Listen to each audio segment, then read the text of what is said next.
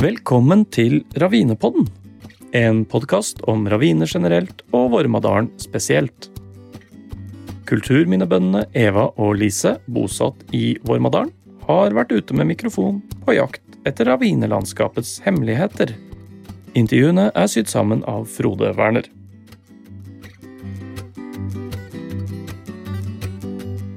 Vi bor i et landskap som er unikt i verdenssammenheng, godt gjemt og nesten glemt.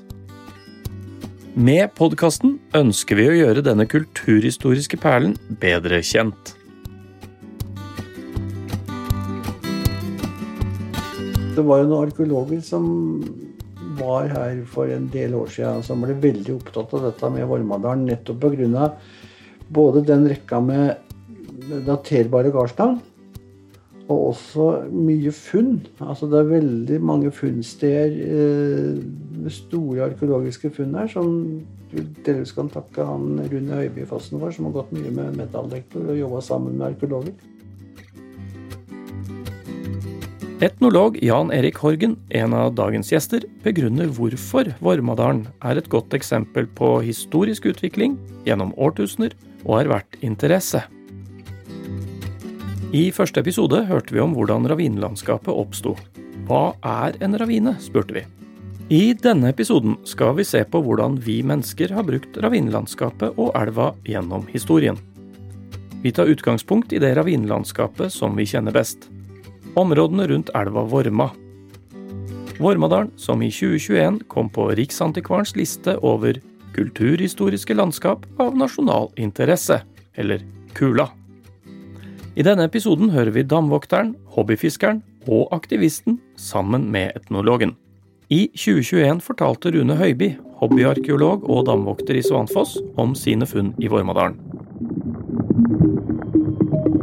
Nei, men Det som er veldig enkelt, det er rette på begge sider av Vorma. Antageligvis fra Minnesund og hele veien nedover, men mest sannsynlig gjennom Svanfossen og ned her til det det Der ligger hele norgeshistorie.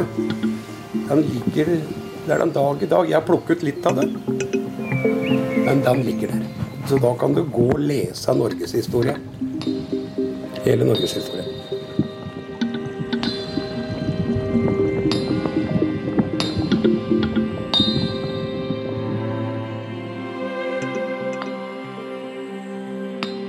Hei, jeg er Rune er Damvokter i Sandfossen. Men jeg har vært interessert i historia siden jeg ble født. Det er medfødt. Og så var det vel far min som gjorde meg oppmerksom på det for fryktelig mange år siden. Etter han hadde brukt en metalldetektor i militæret på 50-tallet. Så jeg visste at metalldetektorer eksisterte. Så det hadde jeg hatt i bakhodet hele tida. Men pga. jobben jeg hadde og mobiltelefonen var ikke oppfunnet igjen, det så var du også motorsyklist og fisker samtidig. så, så, måtte jeg ha det på vent. Og åra går, og du blir eldre og eldre.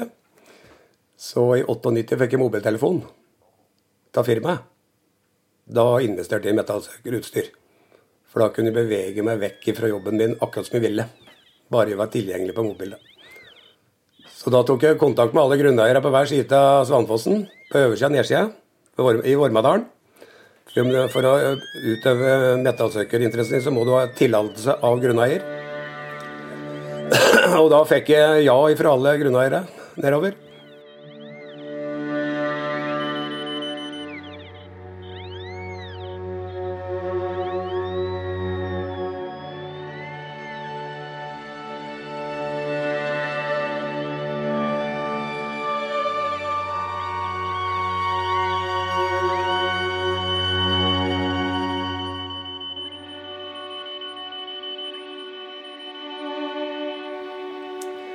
Og så, og så, begynte jeg å finne mistenkelige gjenstander som jeg da ikke hadde sett meg inn i hva egentlig var, men jeg skjønte at det var gjenstander som var 1000 år gamle. Så tok jeg kontakt med Oldsakssamlinga. Og de kom opp til Svanfossen og ble jo helt paffe av de funna som jeg da allerede hadde gjort, og forklarte meg hva det var. Og etter det så ble jeg engasjert av Oldsakssamlinga som metallsøker og gikk på kontrakter i mange, mange, mange år. Og det var mest i Østfold. Eh, utgravninger av nye kjerregårder, motorveier, alt det som var. Så det var en drøm da du hadde sånne interesser, å få den jobben. Og, som, eh, og når jeg har gått på disse gårdene på hver sin side av varme, så har jeg klart å avdekke hele historia når det gjelder metall, fra ca. år 350 og fram til dags dato.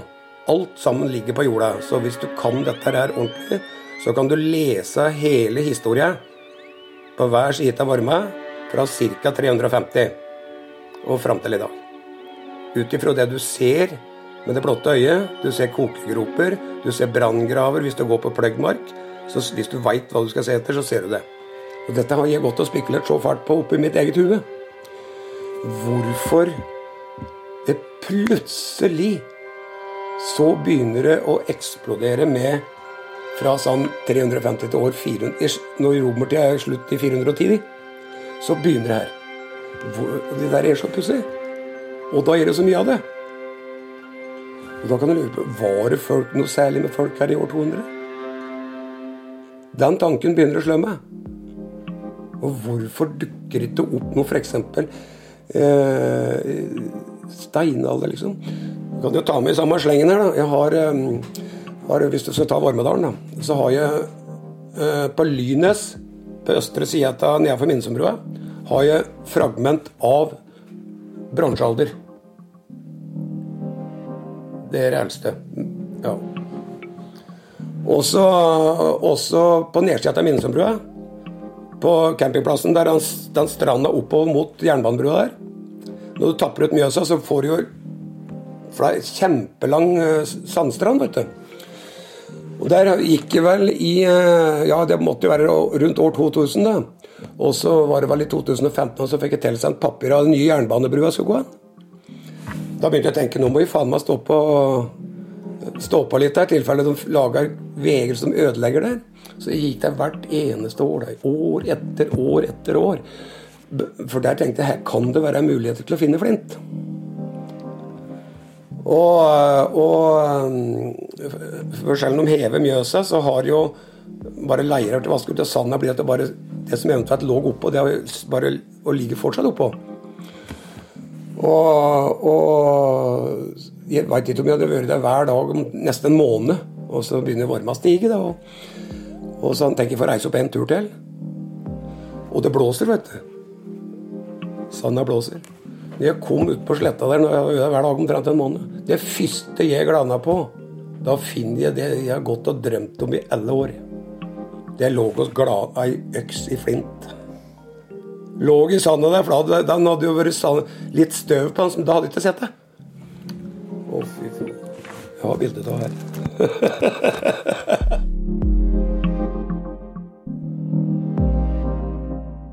Og så er det over til Jan Erik Horgen etnologen som er født og oppvokst i Vormadalen. Vi har jo spor til landbruk her fra et par tusen år før vår tidsregning, altså 4000 år siden. Så du må jo ha hatt en slags bosetting som vi vet veldig lite om. Vi har jo nesten ikke funnet steinalderbosetting på Romerike. Og det er noen få fra det som kalles bronsealderen, som går fram mot sånn 1000-tallet. Og så må du ha fått en slags gardsbosetting i jernalderen som begynner da en eller annen gang litt før vår tidsregning begynner, altså i tusenåret. Og det er jo da i det første tusenåret som uh, vår bosettingsstruktur tar form. Altså Her i Vormadalen så har du jo masse gardsnavn som ender på stad og sett. Og det uh, regner du med nokså sikkert kom på 500-600-700-tallet. Altså inn, litt inn på det som da kalles vikingtid. Så de navnene er jo våre eldste kulturminner. Jan Erik snakker om gårdsnavn som ender på både sett og stad og vin, som ikke har noe med vinproduksjon å gjøre. Det dette viser, er bosetting i jernalderen. Det er i jernalderen, ofte kalt vikingtida, at vår gårdsstruktur fester seg. Mye tyder på en sammenhengende ekspansjonsbølge og samme utvikling over hele Romerikssletta. Men det er så greit med Vormadalen, sier Jan Erik, for her har vi en sånn konsentrasjon av gårdsnavn. I middelalderen, på 1100-1200-tallet, fikk Norge skriftspråk. Skriftspråket førte til et mer organisert samfunn, og vi fikk matrikler, altså et offentlig register over grunneiendommer. Fra middelalderen har vi mange gårdsnavn som ender på rud. At det er så mange bruksnavn som ender på rud i Årland i Vormadalen, kan tyde på at det lå ei middelaldergren i Årland. Dette viser at det er mer for forskere å gripe tak i her. Tidligere i denne episoden hørte vi Rune fortelle om fornminner i Vormadalen. Men hva med gravhauger? Finnes det fortsatt gravhauger, eller jernaldergraver, som sier oss noe om gammel bosetting? Sentrumsfunksjoner, manglende sentrumsfunksjoner, det vet vi lite om. Men vi ser jo at det er samlinger av gravhauger på en del steder. Og, og noen av disse her gardsnavnene går jo tilbake på gamle kultplasser. Sånn som Horgen. som En horg er jo et, en kultplass. Et Håv er en kultplass. Og da Håvi og da Frøyhov og da sånne navn som tyder på at det kanskje har vært en slags sentrum. Og noen steder så har du jo store gravfelt, om de da har vært for større områder. Det veit vi vel kanskje ikke, eller om det bare har vært for én eller to eller tre gårder en av de store feltene som er igjen i, Nes, er jo det på Horgen. At det ligger der, skyldes jo at den jorda er så skarp, så den egner seg ikke til oppdyrking. For det er jo veldig mange av disse kultplasser og gravplasser som er, som er dyrket opp. På 1800-tallet så var det han Anders Lorang som tok først utgravinger på Raknehaugen.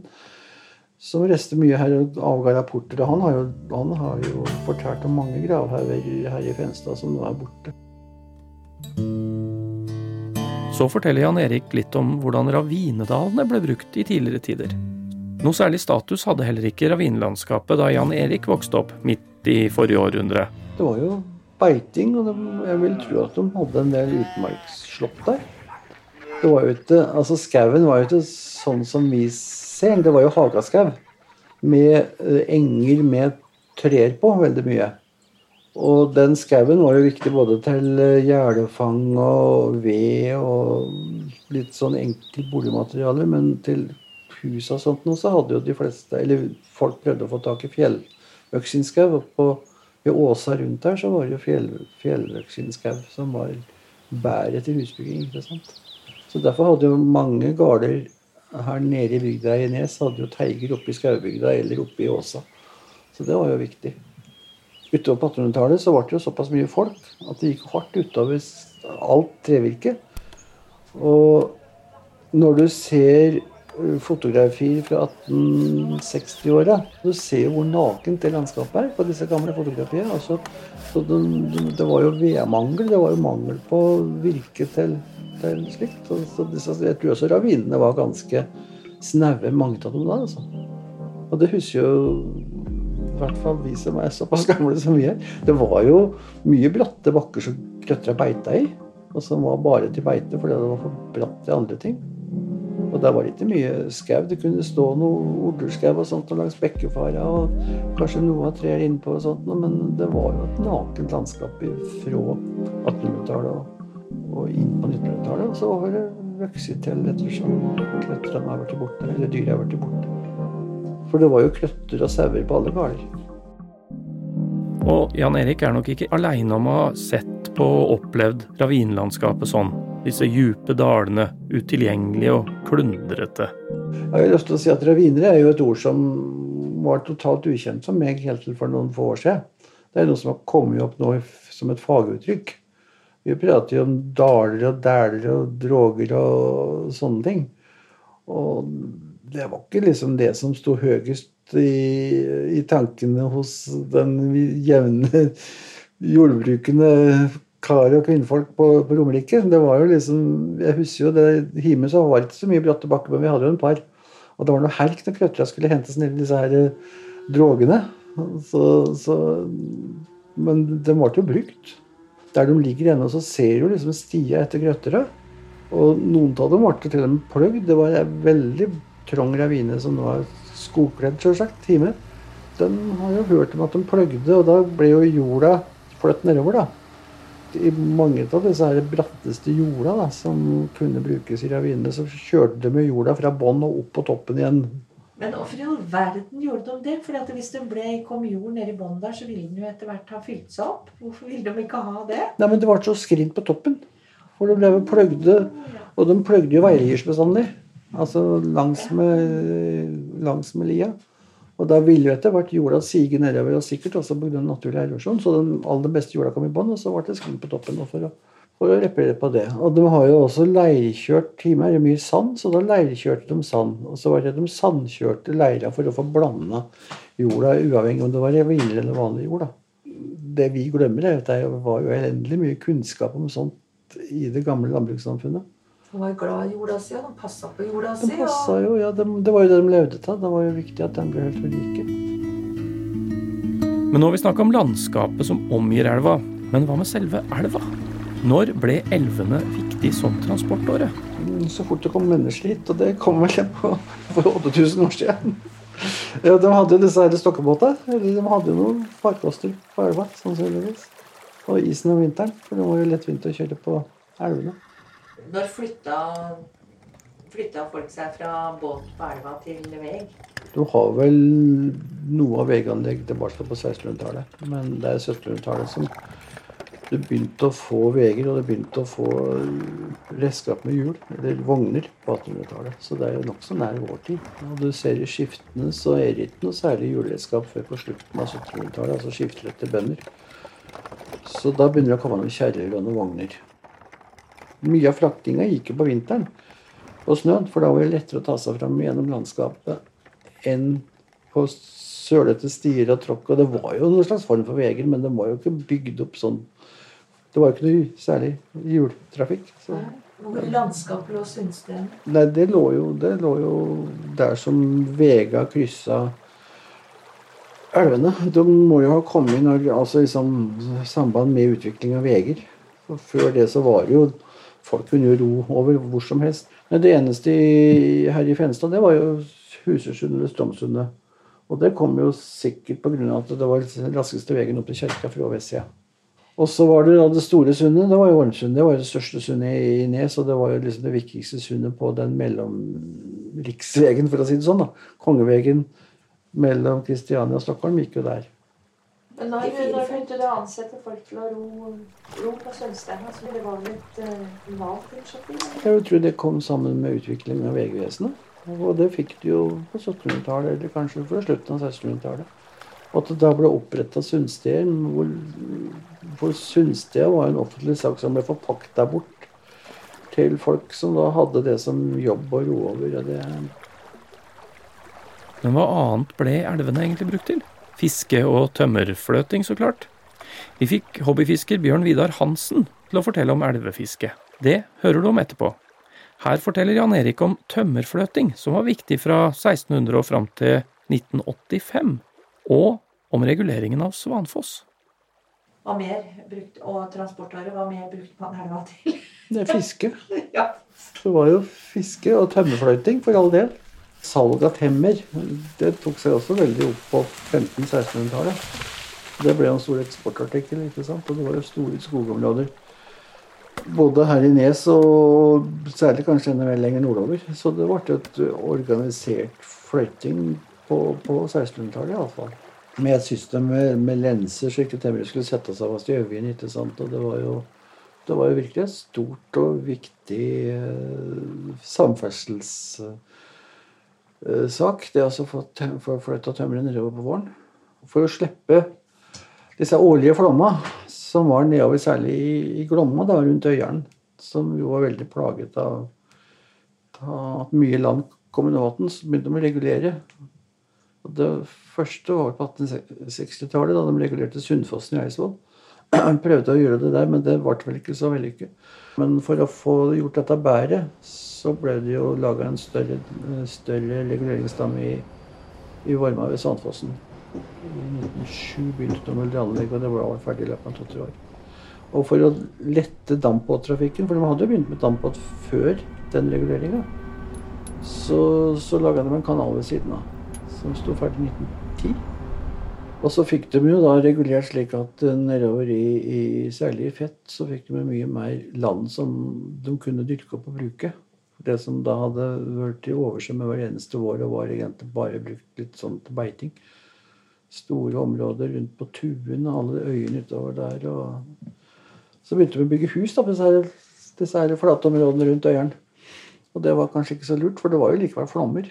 Og, men jeg husker jo når jeg jobba nede i Fett, så, så snakka jeg med gamle folk, og de sa at nei, vi hadde da gulvet lå løst, så når flommen kom, så tok vi bare med oss plankene så flyttet vi i andre etasjen. Og de kunne ikke skjønne disse unge som bygde huset, ikke hadde løse gulv. Så det var, det var liksom tilpasning til de der flomma som tross alt kom, da. Men det var ikke år, årvisst etter, etter reguleringene her i, her i, i Sandfossen. Så skal vi over til noen fiskehistorier. Bjørn Vidar Hansen har en spesiell fascinasjon for Fenstadtangen. En gresskledd plass ved Vorma noen hundre meter fra besteforeldrenes hus på Bakkevoll. Intervjuet ble gjort i 2021. Den eneste fiskeplassen sånn om uh, sommeren så er det nesten Fenstadtangen. På mark. Lenge siden er det du hadde din første fisketur nede i Vorma? Nei, det var vel i 55, tenker jeg. Da var, da var jeg med Bakkvollkarene nede der og fisket. Hvor gikk du hen da? Da gikk jeg fra Bakkvoll og så ned til Fenstadtangen. Ok, og Fiske fra land. Ja, Med med mark. ok, Fikk du fisk, eller? Nei, altså, det gjorde ikke jeg, da, men jeg var jo med disse gutta. da, Og det er klart vi fikk jo fisk, vi av det, men eh, det var jo inne ved Svingberget, da. Fikk du der, da? Nei, det var jo mort og brasme og sånt, da. Det var jo moro for oss unge, da, vet du. Så det holdt vi på i mange år med, da. Å fiske der. Men nå nytter det ikke seg for noe Jeg vet ikke hva som har skjedd. Ja. Er det andre ting som har endra seg? Eh? For da har du fiska siden 55, det er jo ganske lenge. Så hva har endra seg på de åra? Nei, det, altså den gangen så var det ingen som hadde båt. Og Fenstetangen den var jo da 15-20 meter lenger utover enn den er nå i dag. Så elva den vier seg ut, da. Så det var ei en fin gradslette vet du, å være på. Og, så det som er ja, Sjølve elva har forandret seg for fælt, for den gangen så fantes det ikke gras nedi her. Så, sånn som før i tida, vet du, når de drog vøya nedi her. Jeg var jo med og drog vøya oppe i Svanvika. Fikk så mye sik, så folk plukket med seg og tok med seg hjem igjen. Så er det sik nå. Jo, det er igjen noen, da. Det er få som ikke skarven har spist opp. Alt var så mye bedre før, vet du. Alt var bedre. Ja. Det er det er Er det noe som er blitt bedre, som er bedre nå enn det var før? I Vormadalen? Nei, jeg vet ikke. Du kan si da at uh, før så gikk det jo an å gå langs land og fiske, da. Alle stand. Men som vi pratet om i stad, alt det gresset som har kommet, det finnes ikke råd å kaste en sluk, for det får du ikke gjort. Og så har eh, elva gravd så fælt, så det Husker du det bolet jeg hadde nedpå her? Hadde det vært i dag, så hadde det vært langt ute i elva. Og like sånn nede nedover. Så Her nede så har det i hvert fall vært borte en sju-åtte meter. Det er jeg ganske sikker på. Alle fiskere har jo en eh, fiskehistorie. Nå skal vi få høre en av Bjørn Vidar sine. Det gjelder fisking, da, sånn som her nede. Da når vi fikk den der store, da, da kom vi akkurat i tida nede. For at det da gikk inn der her og så målhuset. Og så kastet vi fem kast. Så fikk jeg en på to kilo. Dro inn den. Og så gikk jeg 20 meter lenger ned og kastet der, da. Da hadde vi på en til. Og så gikk jeg litt lenger ned, og da var det en som fulgte etter sluken helt inntil beina på meg. Og så gikk jeg ned på den steinen nedpå der, vet du. Ned. Og da fikk jeg på den store, da, men den kjentes ut som var bare en sånn liten en vet du, til å begynne med. Men så skjønte jeg det at den var ganske pen, da, så fikk jeg den ned med stein. Og da så jeg at den var nesten en meter lang, vet du. Og da begynte det å litt i kneet, og sånn da, men så fant jeg ut at den er ikke opp her. Så jeg må ned i bakevja der, litt lenger ned. Men der hadde beveren felt ned ei osp som lå utover. Så måtte jeg slippe den altså utover elva igjen, da. Og stonga langt opp du, for å komme forbi dette greia. Og dette gikk jo som smørt alt sammen, da. Og så fikk jeg og tilbake der, og fikk sto og kjørte den litt der. Og så fikk jeg den inn på landet. Da fikk jeg se hvor stor han var. da. Og den var 91 cm lang. Og vog da altså 9,6 kg. Så det mangler 400 gram, så hadde den vært 10. Nei, helt Så det går svær fisk der, altså. Det er jo som uh, Fiskinga det er bare en del av det, vet du. Det er jo så fint nedpå her, så det er jo Den andre delen, hva er det? Nei, det er jo De kaller det for rekreasjon, men jeg liker å være ute på elva, jeg. På vannet. Det er mye av det, da. Og da må du jo ha litt å gjøre noe der ute på der, da. Nei, det er noe som ligger i meg, dette der. Det er det siste jeg tenker på før jeg sovner om kvelden.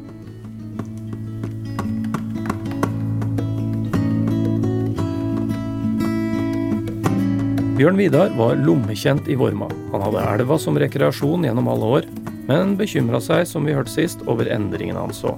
Neste gjest gir levende bilder fra samme elv. Men først lar vi ham lese et dikt av en annen eidsvolling som elsket Vorma, nemlig Henrik Wergeland. Skjønn Vorma, du yndige Mjøsbarn svam, så lystig til Stornes fram for at møte Glom sin kjærest. Der kommer fra Finnegam. Ved Fosseiet spalt, hun bøyer alt, sin svanehals lyttende ned. Hun hører hans røst ved funna i øst. Glom roper høyt Guds fred. Hun kommer i himmelblå flagrelin med gyngende dansetrinn. Ti starvalsklarinetter, de hilser den brud så fin. Nes kirke står frem og signer dem, som hvitsmykket prest oppå hei. Da favnes de to i frydefull ro, så danset de deres vei. Det var Arne Sundli som leste Wergelands dikt Vormen og Glommens samstevne, kjent som Skjønn Vorma. Musikken du nettopp hørte, er komponert til dette diktet av organisten Odd Fossnes. Og hele stykket kan du høre til slutt i episoden. Arne Sundli er sønn av Wergelandskjenner Eirik Sundli. Han har mye å fortelle om Vormadalen som aktivist på 80-tallet, men det hører vi mer om i en annen episode. Først skal vi høre Arne fortelle litt om opplevelser i elvekanten i barndommens rike. Og han peker på utfordringer som den fysiske utbyggingen som pågår i dag, gir det samme landskapet. Jeg har eh, vokst opp med Vorma. Jeg er veldig glad i den elva. Jeg vokste opp i Eidsvoll. og Jeg har jo tilbrakt 20 år i, i Nes og i Fenstad også, så jeg har alltid egentlig bodd ved elva. Og i ungdommen så, og barndommen så var elva både lekeland og mystikk. Jeg varva en kajakk da jeg var 14 år etter onkel Einar. Og eh, den bodde jeg nesten i ganske mange somre framover. Og blei veldig godt kjent med evjene. Med bakevjene der strømmen eh, snudde og gikk gærne veien langs land. Og, og det var jo som å padle på Amazonas og komme inn i disse her trange evjedalene hvor gjedda slo i stolsteiken og myggen surra. Fuglene sang. Det var et eventyr. Og denne elva er altså fantastisk å ha gjennom eh, landskapet. Men jeg må jo si jeg er bekymra for elva år. Fordi at det, det har jo vært mye utbygging. Det har jo alltid vært mye ferdsel. Fra steinalder og bronsealder var det jo ferdsel. Det er jo, det er jo eh, 47 bronserøyser på Flira i, på Frilstedt. Og eh, vikingene, Olav Hellige, la jo, eh, la jo Eidsivating til Eidsvoll, på, mye pga. samferdsel. Og seinere har vi jo jernbanen, og, og så har vi fått den fysiske utbygginga langs elva. Som jeg etter hvert syns er litt skremmende. Fordi at det, nå fylles det ut. Det bygges boliger ut i elva. Det bygges et kjempemessig jernbaneanlegg fra Eidsvoll stasjon og nordover. Eh, Det bygges bru ved Minnesund. Og det fylles ut tusenvis av kubikk med stein i elva. Og dette her det påvirker jo selvfølgelig både strømforhold og, og, og altså vassføring. Og det skal ikke mange centimeter til før elva graver mye i, i leireskråningene, særlig på østsida av elva oppover fra Sundet Geitsvoll. I gamle dager så Mora mi og de andre konene de tok gjerne med oss unga på søndagen og gikk tur ned til elva, for der var det grønne grassletter hvor de kunne sitte og skravle, mens vi unga plaska i elva og koste oss og bada og rei på tømmerstokker som kom drivende pga. fløytinga. De slettene er helt borte. De har eh, blitt erodert vekk, og nå er det helt fullstendig umulig å gå langs land noe sted fra Eidsvoll og nesten til Minnesund. Det er gravd ut, og trærne braser ut i elva. Og for det første er det jo stygt, det er ikke noe pent å se på. Og for det andre så betyr det jo at det er i ferd med å erodere såpass at eh, vi risikerer ras. Det har alltid gått ras. Småras. Men nå for to dager siden så gikk det jo et ras eh, nedenfor Vilberg ungdomsskole som var såpass at de måtte sette opp stengsler og, og er ganske, ganske redde for hva som kan skje videre.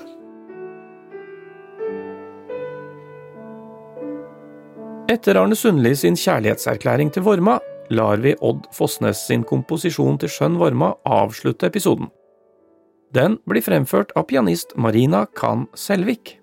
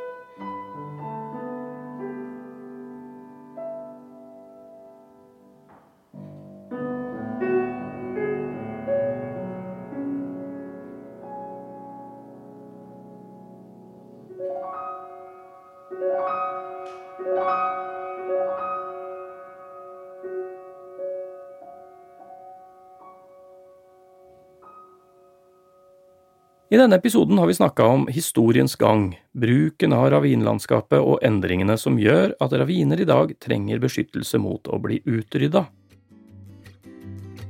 Neste episode tar for seg ras og fyllinger og bakkeplanering og moderne utbygging. Du har lytta til Ravinepodden, en podkast om raviner generelt og Vormadalen spesielt. Laget av Eva Nordby, kulturminnebonde med guidede ravinevandringer i Vormadalen. Lise Christensen, med gardsturisme på Prestenkesetet Huser.